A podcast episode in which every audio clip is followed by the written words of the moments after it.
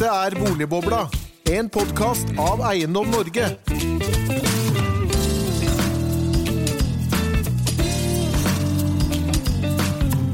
Hjertelig velkommen til en ny episode av Boligbobla, denne gang om fjellhyttemarkedet og hyttepolitikk.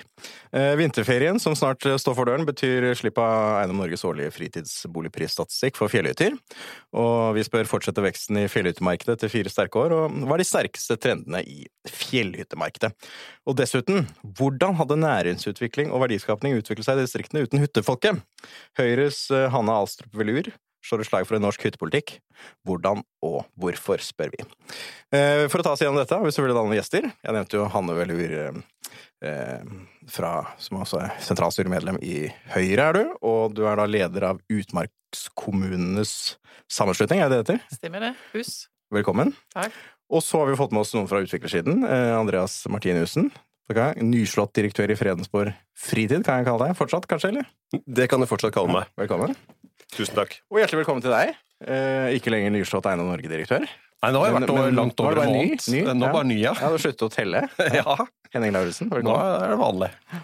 Eh, vi har fått en fersk rapport her eh, om fjellhyttemarkedet, vår årlige rapport. Hvordan, hvordan ser, eh, ser bildet ut, Henning? Nei, nå har vi jo flere år bak oss med, med vekst i antall solgte fjellhytter. I hvert fall hvis vi ser på den lange trenden, så, så går det oppover. Og sånn har det fortsatt dette året også. Det er ny rekord i antall solgte hytter. Opp, opp over eh, 2 fra fjoråret. Eh, Så er det også sånn at selv om det kommer til mange nye hytter på markedet, så stiger prisene fortsatt. Mm. Riktignok nå med en ganske moderat prisvekst. Nå er vi nede på 2,6% så, så nå For det har vært veldig sterke, sterke fire, fire siste årene. ja, de, de fire siste årene har vært spesielt sterke, og, og det er det da i hvert fall midlertidig slutt på nå. Nå er vi, nå er vi mer nede på ordinær prisvekst og nivå på, på lønnsvekst. Eh, Så, så ser vi at eh, den gjennomsnittlige fjellhytten, eh, den ligger på ca. to millioner kroner. Og det er jo også litt interessant når man, når man eh, kanskje følger beskrivelsen av hyttemarkedet i avisene, så, så får man jo av og til inntrykk av at eh, Det er nesten bare liksom enorme hytter som bygges, og ikke sant. Eh, men, men to millioner, det er, det er nivået det egentlig ligger på. Eh, omsetningstiden på hyttene har gått litt grann opp eh, fra i fjor. Det ligger på rett over 100 dager nå. Og, og her kanskje er det ikke så overraskende. Nei, det er ikke det. Altså, hvis Man ser, trenger ikke hytte, er det det? man, man trenger ikke hytte, og det haster ikke å kjøpe hytte. Så, så dette er noe man kan bruke tid på, og bruker tid på. Så eh, hvis vi ser historisk på det, så, så har det tatt relativt lang tid. Går litt opp og ned fra, fra år til år. Eh, vi, har, vi har også sånn at vi har noen, noen steder hvor det er ganske dyre hytter. Eh, øyer eh, med, med havfjell ligger helt på topp. Vi har Geilo og Ustadhuset i Hol kommune som, som kommer på en nummer to. Og så har vi Flå i Hallingdal på, på tredjeplass. Så innlands, innlandsdestinasjonene som dominerer her på Innlandsdestinasjonene dominerer helt klart på den prisstatistikken. Eh, Andreas Martinussen, dere er jo i utviklermarkedet. Hvordan, hvordan stemmer dette bildet som Henning presenterer som, fra vår rapport, med, med det, ditt inntrykk av fjellutmarkedet? Jeg syns det stemmer eh, veldig bra, faktisk. Um, vi har den samme opplevelsen som Eiendom Norges nye rapport uh, egentlig forteller oss, at det er, et, uh, det er god balanse i markedet.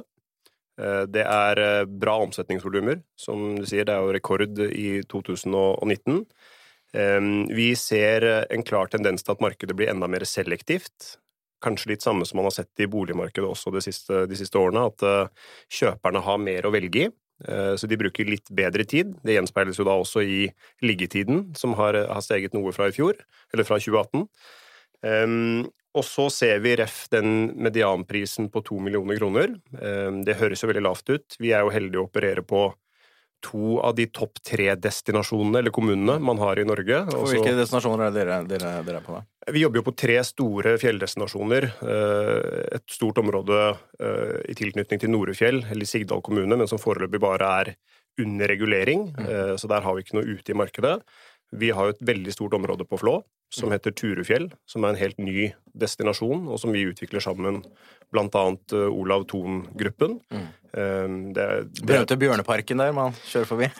Bjørneparken det var den som var med på å sette Turufjell, eller Flå, da, på, på kartet eh, i stor grad. Men, men er, det er et kjempeområde. som er, eh, Det er Norges største områderegulering på fritid noensinne, så vidt meg er bekjent, med, med 2000 godkjente regulerte områder. Eh, tomter. Eh, Så det, og det har tydelig truffet en eller annen nerve i markedet, med en nærhet til Oslo, som jeg tror veldig mange setter avstanden her er vel halvannen, to timer eller noe sånt, eller å kjøre? Ja. Det er rett i underkant av halvannen time hvis man kjører fra Oslo, til man er inne i hytteområdet. Mm. Og jeg tror den der eh, verdien av transporttiden, da, hva det tar å komme seg til hytta, den blir bare viktigere og viktigere for mennesker. Så er vi i tillegg på Geilo. Der er jo vi en stor utvikler, eh, antagelig den største. Også med en tomtebank på rett i overkant av 2000 enheter. Og det er også et område da, hvor, eh, hvor prisene er eh, forholdsvis høye. Som jeg sa, ligger inne på topp tre Mm. destinasjoner i Norge. Men det jeg skulle tilbake til, eller frem til, var denne medianprisen på to millioner kroner. Og det vi ser en helt klar tendens til også, er at det er hytter i priskategori 3,5 halv opp til 4 millioner som går veldig, veldig godt. Og så fort man bikker over 4 millioner kroner, så er det vanskeligere å få solgt. Det er et annet marked, altså. Det er et annet marked, så det er tydelig at 4 millioner er litt sånn litt den magiske grensen i fritidsboligmarkedet. Mm. Under der så er omsetningen veldig bra. Men, men eh, da snakker du om at eh, hvor, hvor stor er liksom tomtebanken da, til, til Fredensborg fritid, da, som det kalles? Totalt, Mm. totalt har vi ca. 6000 enheter i tomtebanken. Fordelt på fire destinasjoner. Tre av de er jo nevnt. Mm. Og så er vi i tillegg en stor utvikler i Kragerø, Ja. som er en sommerdestinasjon. Um, men hovedtyngden av enheter har vi på Turefjell, uh, Norefjell og også på Geilo. da. Eh, Da du, da du overtok i Fredensborg fritid, så, så var du ute i Estate Media eh, og basunerte at det var behov for å bygge 300 000 fritidsboliger. Det er de neste 20 årene. Hvordan i all verden kom du frem til det tallet? Jeg må jo si jeg fikk jo bakoversveis da, da jeg så det. Vi snakker jo om totalstokken på fritid kan jeg jo legge til, er jo 467 500 eller noe sånt Ja. per i dag. Så sånn 80 vekst har jo du da eh, estimert her, da. Tror det er helt riktig, og jeg ser du smiler godt når du, når du trekker frem det tallet. Det ble jo furore annet i prognosesenteret hvordan det var mulig å, å komme frem til det antallet. Eh, og det, det kan hende at, eh, at tallet er litt i overkant ambisiøst, eh, selv om jeg tror det var tatt litt ut av kontekst. Det som egentlig var spørsmålet, var når er markedet metta? Altså når er det ikke rom for å bygge flere fritidsboliger i det hele tatt? Og der Det kommer helt sikkert til å ta veldig mye mer enn 20 år før man når det antallet, men vi gjorde en telling på antall husholdninger som har da samlet husholdningsinntekt på ca. 1 million kroner, Mm. som vi regnet som potensielle kjøpere av en fritidsbolig, hvis du ser hele segmentet av prisklasser. Og da eh, tror jeg det var ca. 1,2 millioner husholdninger i Norge. Og det som var tesen, er at på sikt, da, et eller annet sted eh, ned i løypa, at 50% av de potensielle kjøperne kommer til å eie en fritidsbolig. Det tror jeg faktisk det er en sannsynlighet for, og det kommer av at eh, det er en kraftig urbaniseringstrend. Den ser vi jo eh, over hele Europa. Eh, folk skal bo tettere og høyere, og jeg tror at jo høyere opp i et høyhus du bor, i 16 etasje, jo tettere du er på mennesker, jo mer isolert blir du. Så at det samværet, minglingen, liksom der man treffer mennesker, det kommer til å være på fjellet. Så jeg tror enda flere kommer til å size down i boligmarkedet, flytte på færre kvadratmeter, og så skal de ha hytte på fjellet. For det ligger så innbakt i norske folkesjela. Eh, dette å ha hytte. Før var den ultimate drømmen å eie egen bolig. Nå er drømmen å eie en fritidsbolig, for bolig er en selvfølge. Og den ultimate drømmen Mm. Det er å ha både på fjellet og ved sjøen. Mm. Og Derfor tror jeg også det er mulig, eh, kanskje ikke 300 000, da, men si at det blir 250 000 fritidsboliger til, fordi enda flere kommer til å eie to stykker, ikke bare én. Så en endelig helg, da kan jeg dra på hytta hvor jeg har litt plass. Da kan jeg dra på hytta hvor jeg faktisk får puste, eh, hvor det er luft, eh, hvor det er lys, eh, hvor det er hyggelige mennesker som har ro i sjela. Eh, jeg tror man kjøper seg ikke bare en fritidsbolig, man kjøper seg litt grann lykkeligere liv for seg selv og for familien. Mm. og den trenden der, den tror jeg Ref artikkelen til Hanne, som sier jo litt om dette. eh, hvordan det påvirker utviklingen i, i norske folkehelsen. Eh, den trenden tror jeg absolutt ikke kommer til å stoppe. Men bare for å dvele litt på det før vi slipper til Hanne. Eh, det- er jo da bygget 25 000 fritidsboliger cirka de siste fem årene. Eh, Hvis du skal på en måte nå det antallet du snakker om, så, så må jo egentlig byggetakten opp fra dagens da 4000-5000, som vi har sett de siste årene i året, av nye fritidsboliger i Norge til nesten det dobbelte. Og kanskje over det. Ja, og kanskje han skal opp til det dobbelte. Jeg mener jo at eh, Og ofte tallknuserne og analytikerne, eh, de er kjempeflinke, men de har en tendens til å undervurdere kraften i litt sånn megatrender. Mm. Og jeg mener at dette med fritidsbolig, det er en klar megatrend. Mm. Eh, 10 000 er kanskje for høyt, men jeg tror vi skal opp fra i dag. Og så mener jeg at i det tallet på 460 000 fritidsboliger som man opererer med Mm. jeg skulle, Og jeg har prøvd å finne det ut, men jeg skulle likt å visst Der ligger jo Søkke og Snøre. Der Det er det, alt da ja, fra- det, er, det er rubbet. Det er Ja. gamle naust. Ja. Det er uh, sætre langt innpå vidda som Mm. ikke har verken strøm eller vann.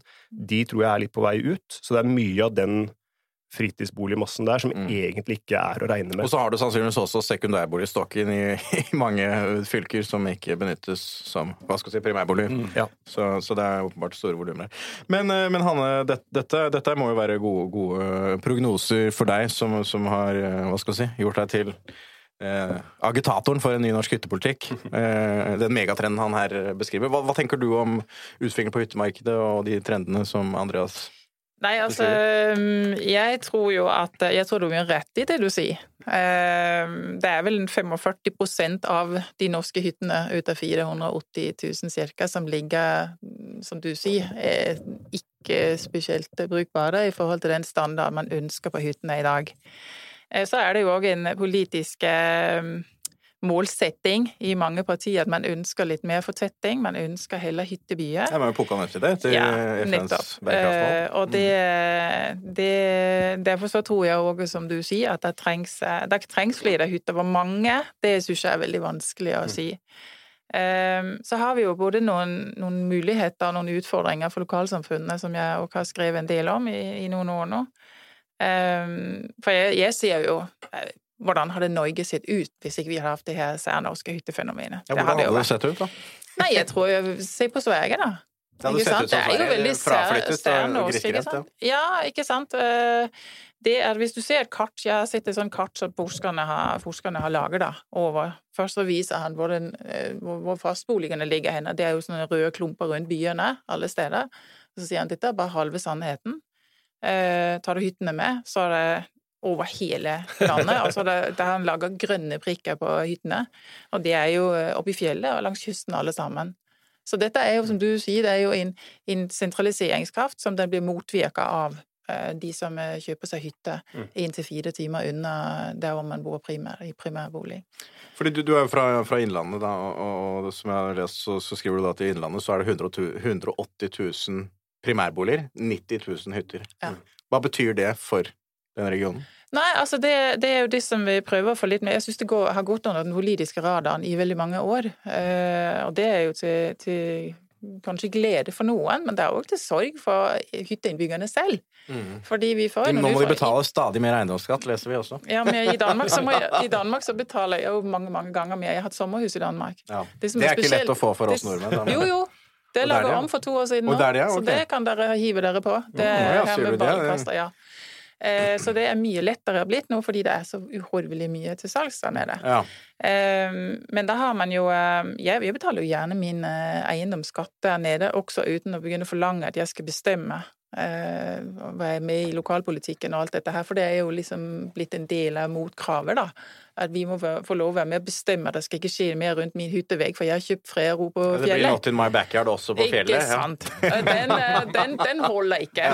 Så den, eh, den er vi jo veldig tydelige på i US, at eh, her er det fortsatt den eh, lokale råderetten og de som bor fast, som må, det vil være helt uhåndterbart hvis man tror man skal til å Men jeg vil altså for eksempel dele stemmerett, som det er noen der sier. Men samtidig så trengs, eh, så trengs det mer eh, samarbeid mellom hytteeiere og lokalbefolkning i politikken. For man har noe å tilføre hverandre, og jeg har klokketro på dialog. Det er så mye som blir løst eh, hvis man lærer hverandre å kjenne mer. Så det er min, eh, min kjepphest òg. Det er involvering av hytteinnbyggerne i råd og utvalg. La dem komme inn, la dem ha møter og, og talerett. Og da er jeg sikker på at da blir de òg enda mer interessert i å bidra til utviklingen av den plassen hvor de har hytta si. Det er jeg helt Mm. sikker på. Det merker jeg jo selv når jeg har, har fått et sommerhus i Danmark. Sant? Så forskjellen i Danmark er at de fleste som har sommerhus der nede, de har det i samme kommune som de bor. Altså for Danmark, I Danmark så er det jo langt å kjøre et kvarter. Ja. Ikke sant? Det er jo et veldig stort annerledes avstandsbegrep enn det er i Norge. Så hvor hvor det er mellom én og fire timer her oppe man kjører for å komme på fjellet, som du sier. Sånn. Så, um, så det er veldig stor forskjell. Eh, Så tenker jeg at eh, det som er, det er jo, Vi må jo stadig vekk, eh, for ikke vi skal bli eh, forbudt med mer hyttebygging, for det hører dere selvfølgelig om det er fjellgrense og grenser for hyttebygging, men sannheten er jo at bare 0,14 av eh, det norske fastlandsarealet blir bygd med hytter. Mm. Altså 1,4 tusendeler. Det vil ikke jeg kalle nedbygging. Og hvis man ser på alle de positive sidene som er ved, ved det, ikke minst nå vi eh, snakker CO2-regnskap, Mm. eh, flyskam Hvor, har- hvor hadde disse hytteeierne forsvunnet hen og kjøpt seg bolig ellers? Og hvordan har de kommet dit? Mm.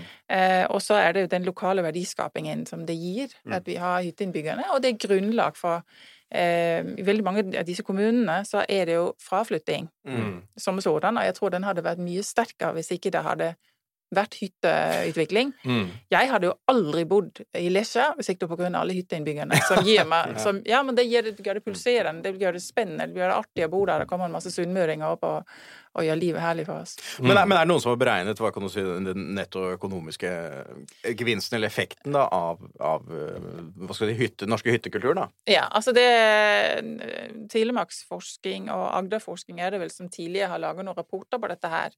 Eh, Nå var det en som kom fra eh, Østlandsforsking, eh, som handler om fritidsinnbyggerne som vekstimpuls. Eh, Så det er jo gjort noe beregnet, men det er veldig vanskelig. Vi har faktisk Ja. gjort noen enkle regnestykker på det. Mm. Eh, og regnestykkene er egentlig ganske enkle. Vi eiendomsfolk er jo litt enkle, så da, Ja, det- det da, da liker vi å, å, å bryte det? ned til, til enkel matematikk. Men hvis man tar prognosesenterets tall da, på at en gjennomsnittlig hyttebruker legger igjen totalt 90 000 kroner på destinasjonen gjennom året I året, ja. i året. Og da er det ca. 30 000 av det som er rene skatter og avgifter. Ergo er 60 000 den variable. Mm. Det er jo gode bidrag til kommunekassen også, det, da. Ja, i hvert fall. Mm. Vi Mm. regna på det da i forhold til Kragerø. Ikke det på fjellet, riktignok, Mm. men, men det er et godt eksempel. Mm. Og hvor vi sa at da, hvis man bryter de 60 000 ned på de 40 dagene i snitt som Mm. en hytteeier bruker hytta si, så er det ca. 1500 kroner dagen. Mm. Ganske solid forbruk. Det er ganske solid forbruk, men da tar du med i de 60 000 som er igjen, da, etter Mm. de 30 på skatter og avgifter, så er det jo 30 000 som er rent sånn matvarekonsum og, og detaljhandel. Ja. Mm. Og så er det den andre som er oppussing, plank, spiker etc., som man også kjøper lokalt.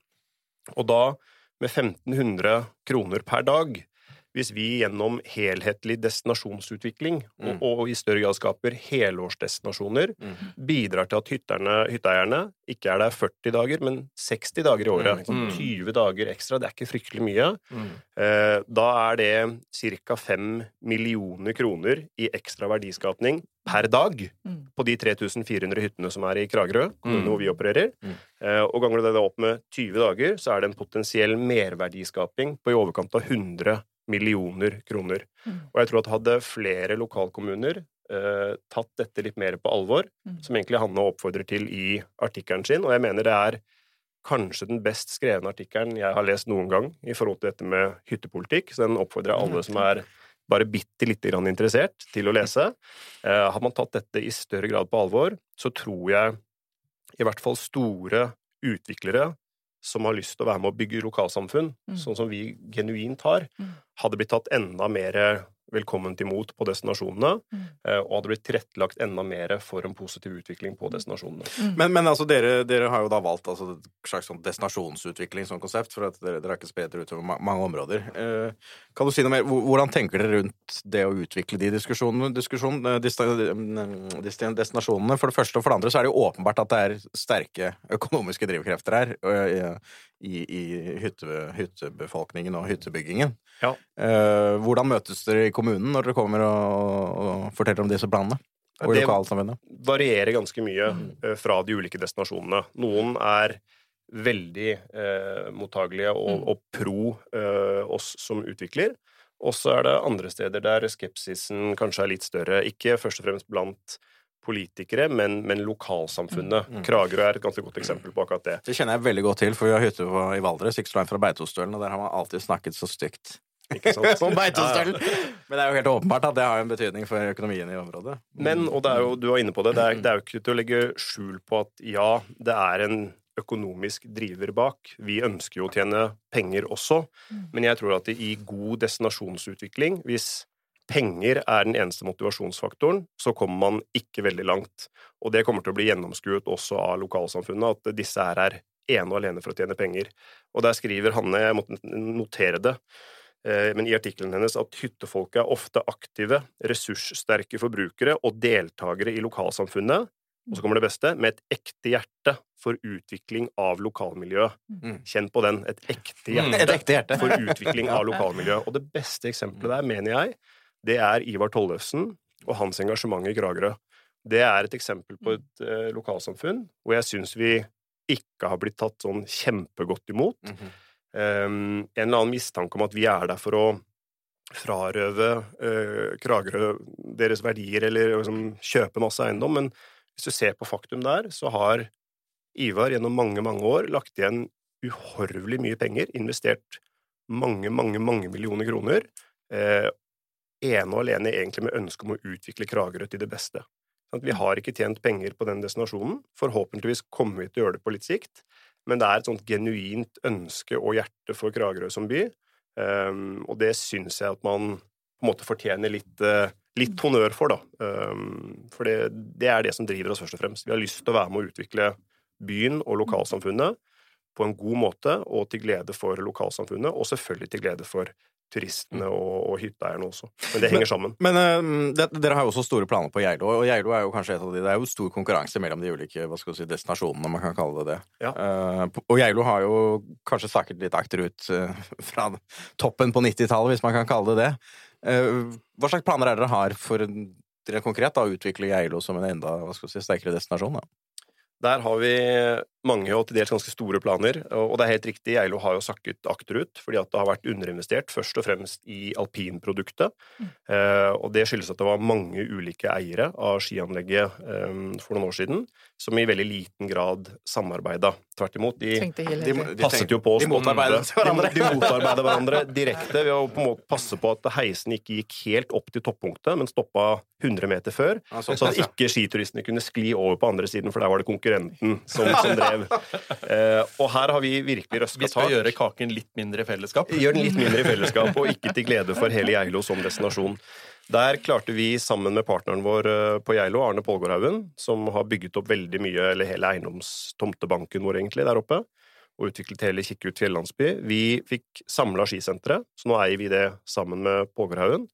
Eh, har gjort store investeringer i skisenteret, med et mål om at Geilo skal ikke stå noe tilbake for de beste eh, alpedestinasjonene ute i Europa.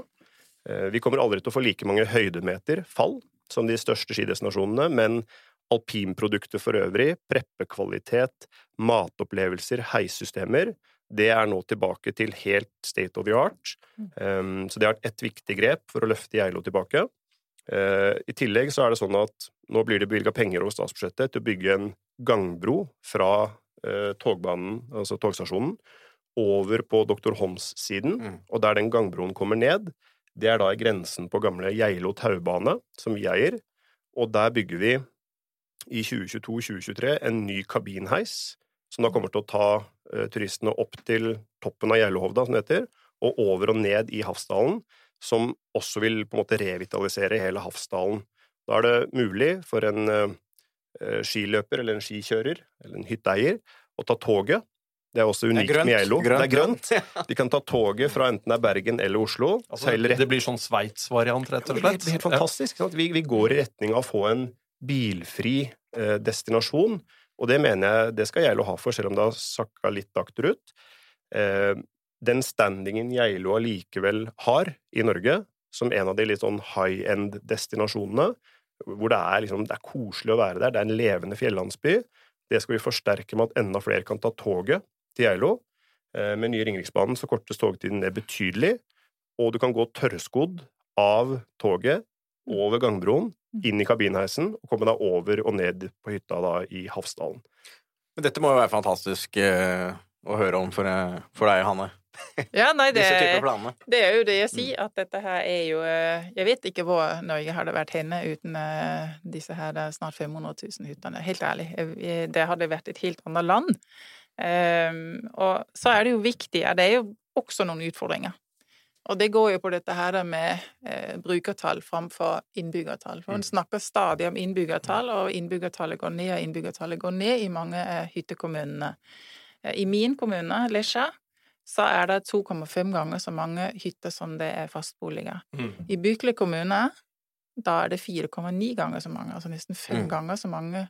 Eh, og så er det ofte i de samme kommunene, så er det lever, nei, um, aldersgjennomsnittet går jo ganske opp, da. ja, foreldres Og det betyr jo òg at skatteinntektene, personskatteinntektene, de blir mindre.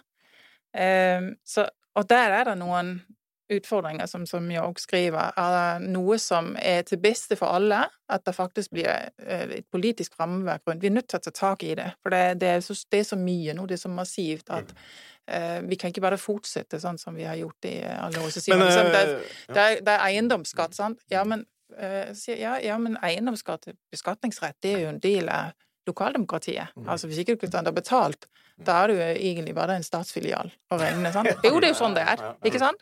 Så det er noen sånne grunnleggende problemstillinger som en er nødt til å se på. Eh, også for Sånn som jeg snakka med forhenværende ordfører i Trysil, Ole Martin Nordahaug. Han fortalte jo at mens han var ordfører, det var han i mange år, så bygde han altså nytt legesenter tre ganger.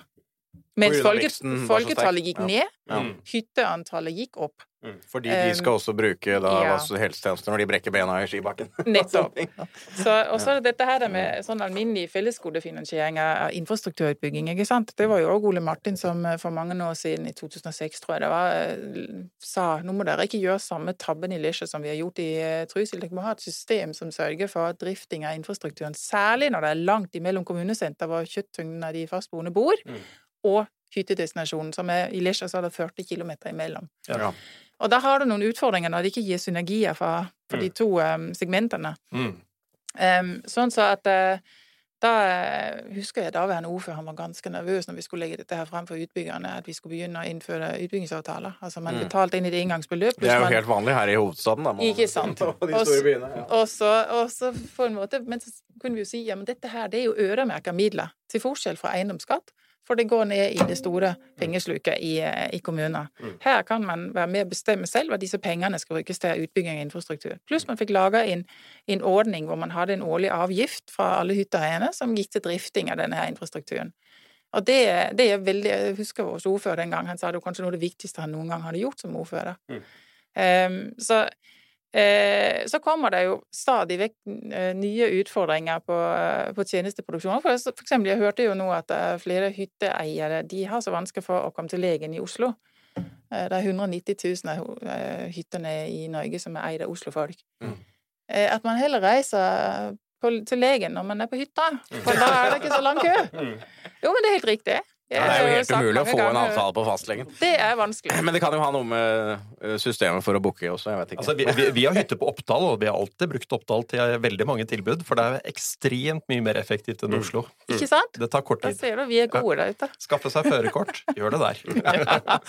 Men jeg, jeg tenkte litt på dette med destinasjonsutvikling. Altså, De stedene som ikke enten har en sterk aktør, eller, eller hvor man klarer å samarbeide godt nok om det, kommer vi til å se at de vil tape i større, sterkere grad enn det er gjort fremover. For det, det er jo også ganske interessant.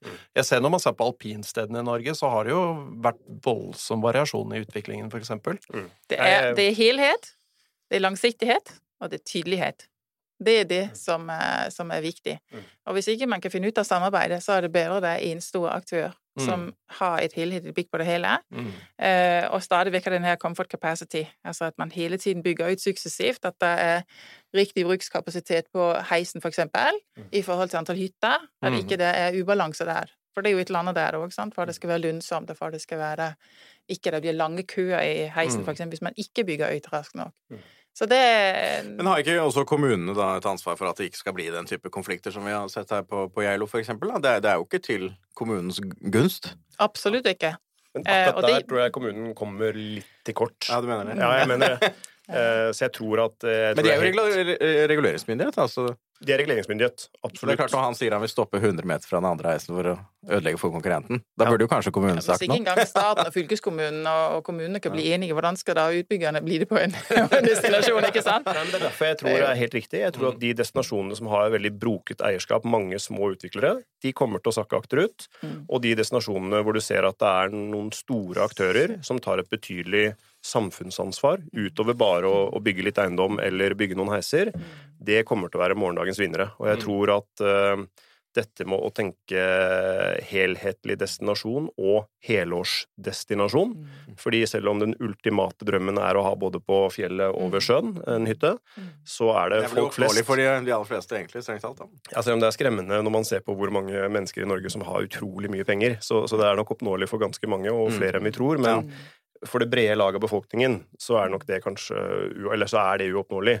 Og det å da kunne tilby eh, aktiviteter og opplevelser for hele familien gjennom året, eh, og det er noe vi tar veldig på alvor på våre destinasjoner, og tenker hvordan kan vi få til det? Hvordan skal det være like hyggelig å være på Turufjell eh, eller på Geilo om sommeren som det er vinterstid? Ja. Så det, ja. Så helårsdestinasjon. Men, men eh, det, en annen diskusjon her er, er jo dette forholdet mellom leiligheter og hytter og sånn. Hva, hva er liksom trendene, trendene der?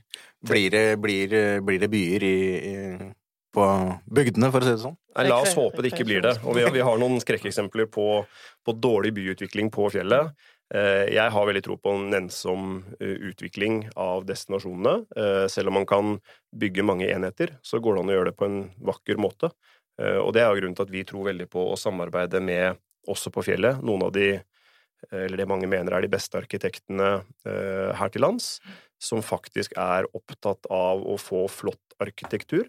Og det bør ikke være kjempedyrt heller. Det er mange som tror det at da, da blir det for dyrt å bygge, og det er positivt feil.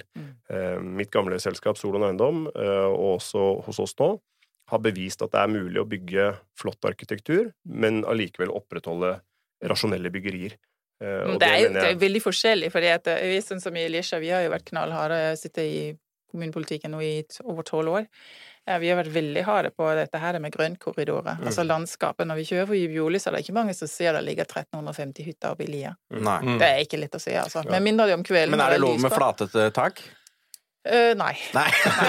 Og Eh, men- jeg, sant, der skulle reguleringsmyndighetene vært eh, enda hardere i klypa på at man skulle klausulert på typearkitektur innenfor gitte områder. Ja. Så at man heller kunne fått cluster, ikke sant? cluster av en mer helhetlig eh, typearkitektur. Ja. Uh, Istedenfor at man får helt sånn Mm. hummer og kanari. Vi har jo noen eksempler på det også som Det ser jo ikke pent ut. Når det blir for stor grad av variasjon, så burde man heller eh, delt det inn i cluster eller Mm. områder innenfor en reguleringsplan. Men dette er jo også kommunens ansvar, da, strengt tatt. Altså, kan du si?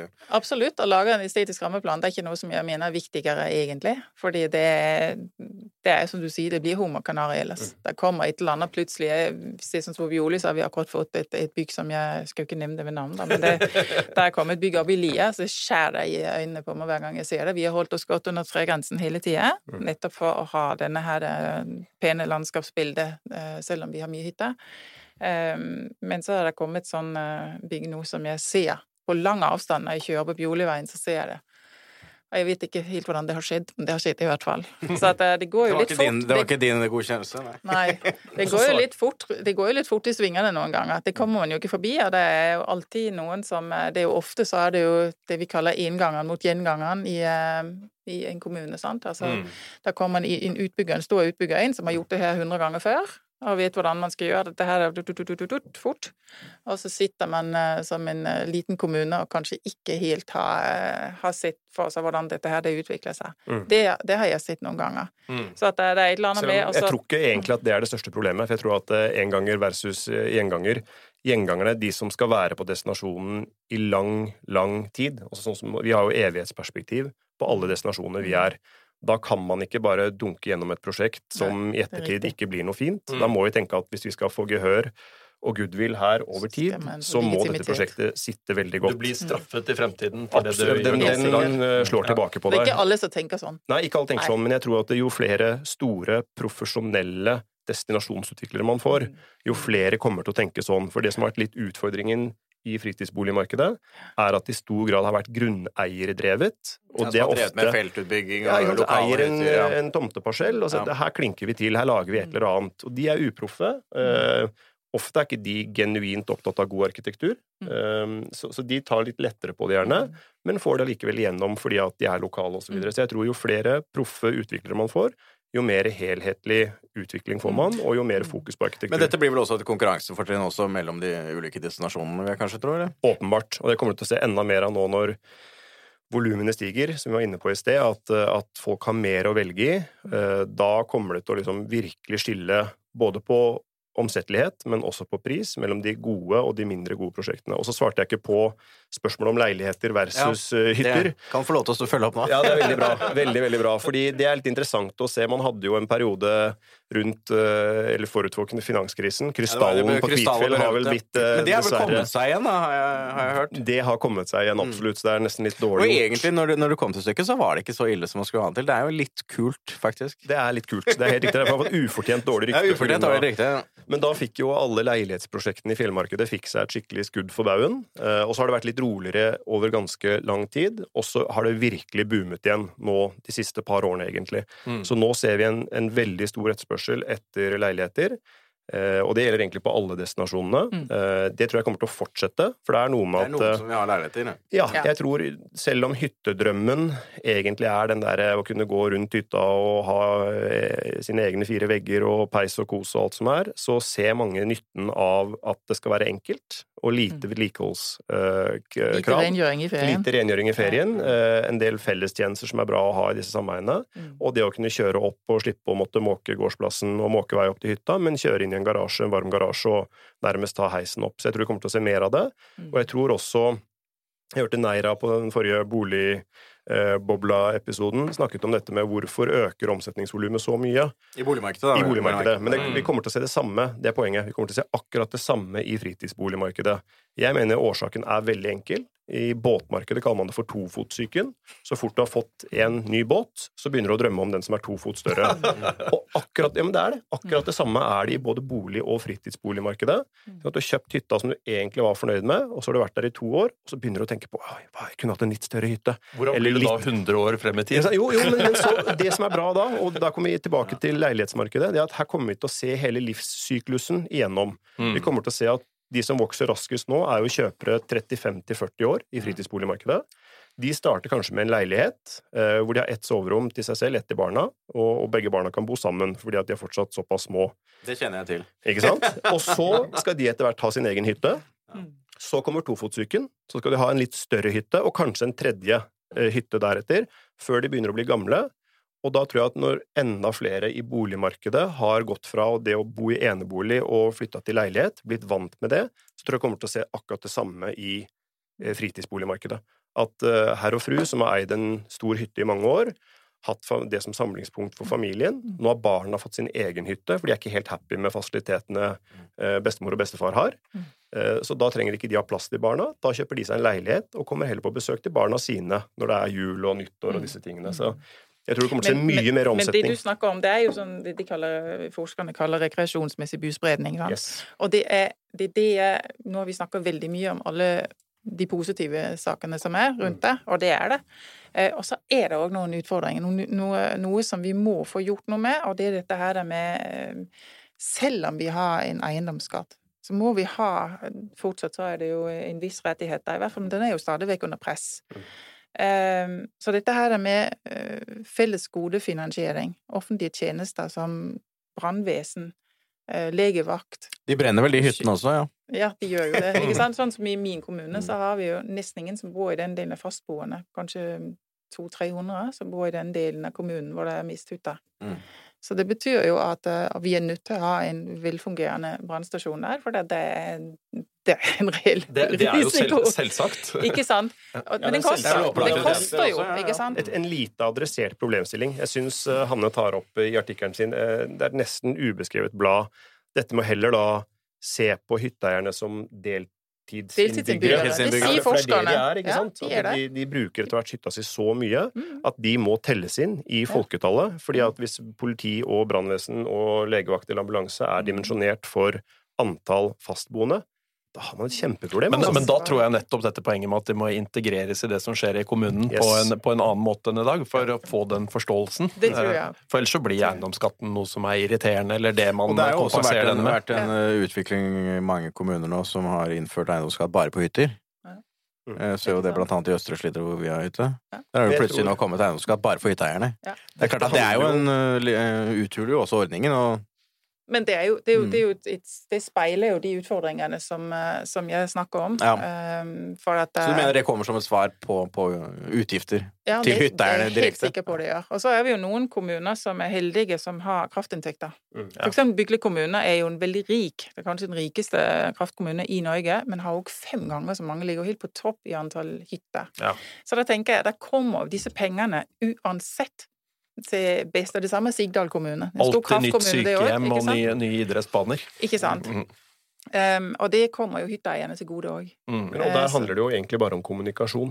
Nettopp! Ikke sant? Men det er det jeg sier dialog. Det er ufattelig hva man kan gjøre med dialog. Kommunikasjon. Hadde hytteeierne blitt presentert for at den eiendomsskatten på hytta Mm. sørger for at når barna dine er og kjører i skisenteret, og hvis noe skjer med dem, det at du vet at de blir tatt godt vare på, og det kommer faktisk en, en legevakt eller en ambulanse og plukker de opp, Ja. eh, og sørger for riktig behandling, Ja. da tror jeg det hadde blitt en litt annen tone også, i forhold til eh, dette med eiendomsskatt. Det er bare å få fram hvilke attributter er det man egentlig betaler for. Hva er det man for? betaler Altså, jeg syns ikke det er vanskelig eksempel å betale godt 10 000 danske kroner på, min, eh, på mitt sommerhus i Danmark. Mm. Det forstår jeg. Mm. Jeg skjønner at det er helt nødvendig. Danmark de har ikke olje- og gassinntekter, vet du.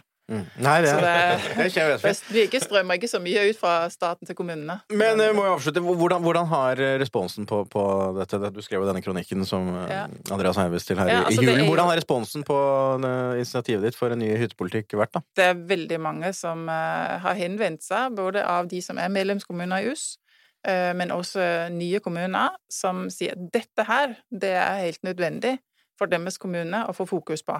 Og jeg syns jo det er helt utrolig, for det forskerne har sagt det her i mange år. Mm.